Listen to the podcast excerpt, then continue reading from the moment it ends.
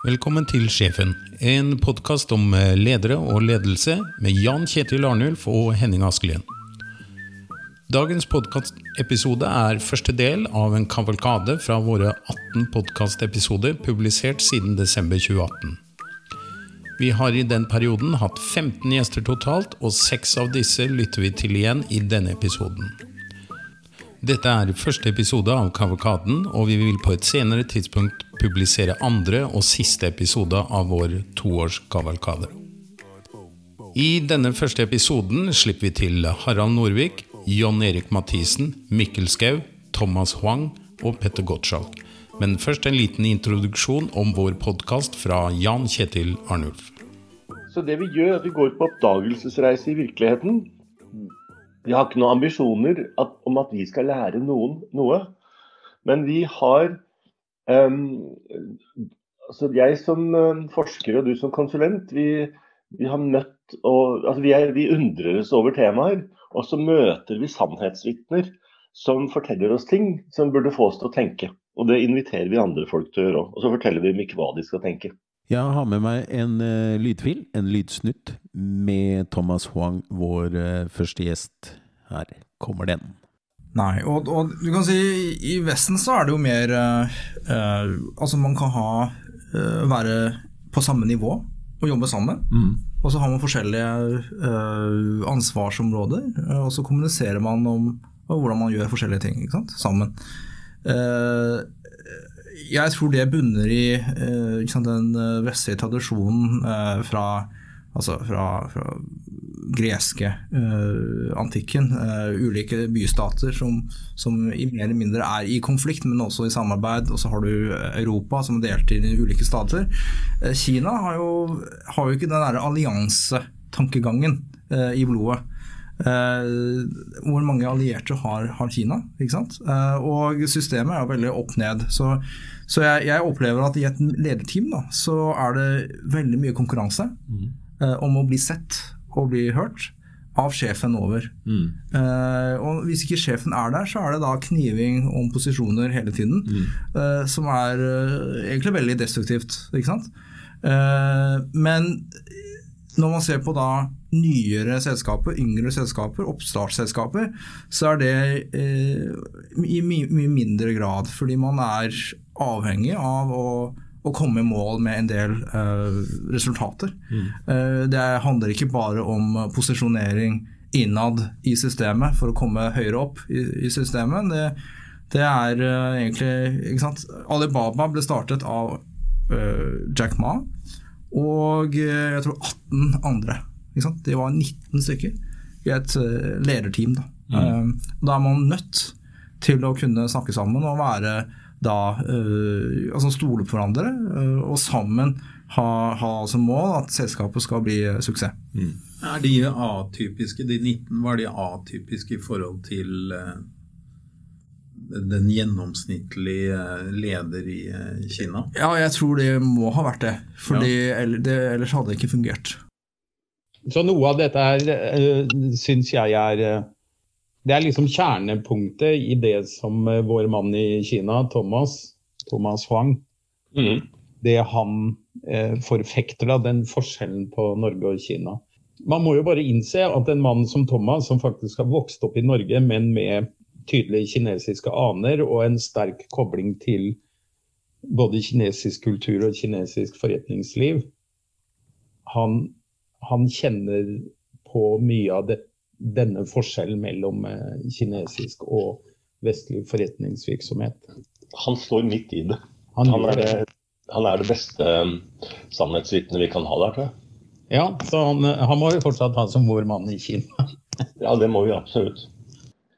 Ja, Jan Kjetil, da har jeg en uh, lydfil til uh, med Harald Norvik, som var vår gjest nummer to. La oss høre på ham jeg tror det er det viktigste for en leder, det er å være personlig trygg. For hvis du er personlig trygg, altså vet hvem du er, vet hvilke verdier du står for, vet hvilke svakheter du har, og hvilke styrker du har Hvis du har en rimelig selvforståelse, og ikke selvbevissthet, men selvforståelse, Da har du sjans på å bli en god leder. For jeg mener at en av de viktigste lederegenskaper er også å vise usikkerhet i sak. Ydmykhet i problemstillinger. Eh, og det som er min erfaring, er at de som er personlig, som er personlig usikre, de har en tendens til å bli altfor faglig sikre. Ja, ikke sant? Den er jo veldig bra, sett i, hvis, du, hvis vi nå husker den der snuten vi tok fra Thomas. Ja, det er jo, um, det er, jo- det er jo helt den røde tråd ikke sant, om, om hvorledes folk agerer når de kommer i sånne topptunge posisjoner. Mm. Og om betydningen av å være personlig, den personlige sikkerheten for å kunne være lyttende til andre. For det, og det tror jeg vi skal komme til til noen av de andre som kommer seinere òg. Altså at, at usikkerhet hos ledere gir opphav til maktkamper og skråsikkerhet. Mm. Og med eh, en ekstrem vilje til ofte å, å, å sørge for at jeg får rett, istedenfor å tenke at jeg eh, liksom har råd til å tenke seg om to ganger. Da. Og, em, og jeg tror at Harald Norvik vet hva han snakker om, for å si det sånn. Jeg tror han har eh, for Det er et eller annet som skjer når folk kommer helt på toppen av en del strukturer. Altså, Harald Norviks utkikkspunkt, da, som tidligere administrerende direktør for Statoil, styreleder i Telenor, og en haug med sånne eh, store norske eh, næringslivsprosjekter, og med ganske tett kontakt også for så vidt da, til alle disse selskapene som har vært eid av regjeringen, så har han vel sett eh, både næringslivsfolk og politikere nå toppen av pyramidene, og sett hvordan de opptrer da. Det er, vel, det er kanskje litt slik at hvis, de, de første lederposisjonene man har, så er man jo mye mer nervøs eh, eller redd for å gjøre feil. Da, og redd faktisk for å tape da, og bli kasta utfor fra toppen igjen og nedover skrenten. Slik at hvis man får flere og flere hva skal man si, ledertilbud og lederjobber, så blir man kanskje tryggere og tryggere på hvordan man gjør ting. Men eh, skal vi gå videre til han eh, nestemann? Ja, for da inviterte vi jo Mikkel Skau fra DNVGL. Og han var jo da akkurat blitt leder av en digital enhet i et selskap som jo var langt og tradisjonelt inne i skal vi si, ut og sende ut inspektører, nemlig DNVGL. Ja. Og som plutselig sto overfor spørsmålet er det mulig for oss å forstå på forhånd hvordan digitaliseringer kommer til å endre vår business på verdensbasis. Og han var opptatt av å skulle prøve å finne ut av det. Det var han. Og, Og den oppgaven tok han på veldig alvor, tror jeg. ja. Han eh, jobbet da Jeg vet ikke om han fortsatt gjør det, men for, Jo, eh, Han er fortsatt direktør for, eh, eller hva de nå kaller det i DNVG. De har en litt sånn eh, De er av og til litt upretensiøse, tror jeg, men i hva de kaller ting. Men han er fortsatt sjef for dette Veracity og, og dette initiativet. da. Så jeg Ja. snakket med han her ikke så lenge siden. Mm. Når vi hører litt på hva han har å melde. Mm. Altså Hvis du tar eh, skal si, Hvis jeg skal representere frykten til DMGL satt i mine ord, da.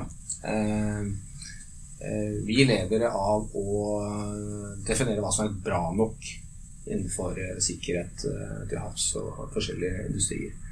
For å kunne definere det, så må vi jo skjønne hva som skjer.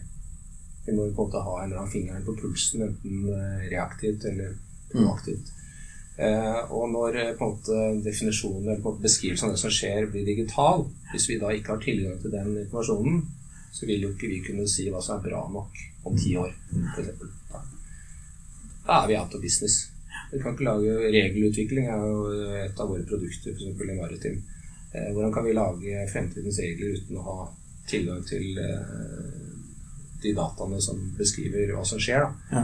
Ja. og da, da, da kan du rett og slett bare Ja, hvis, hvis det å være out of business gir deg litt frykt, da, så er det god motivasjon, tenker jeg. Ja. Frykt som motivasjon. ja. Er, men han, jeg syns han er veldig flink til å beskrive hvordan et stort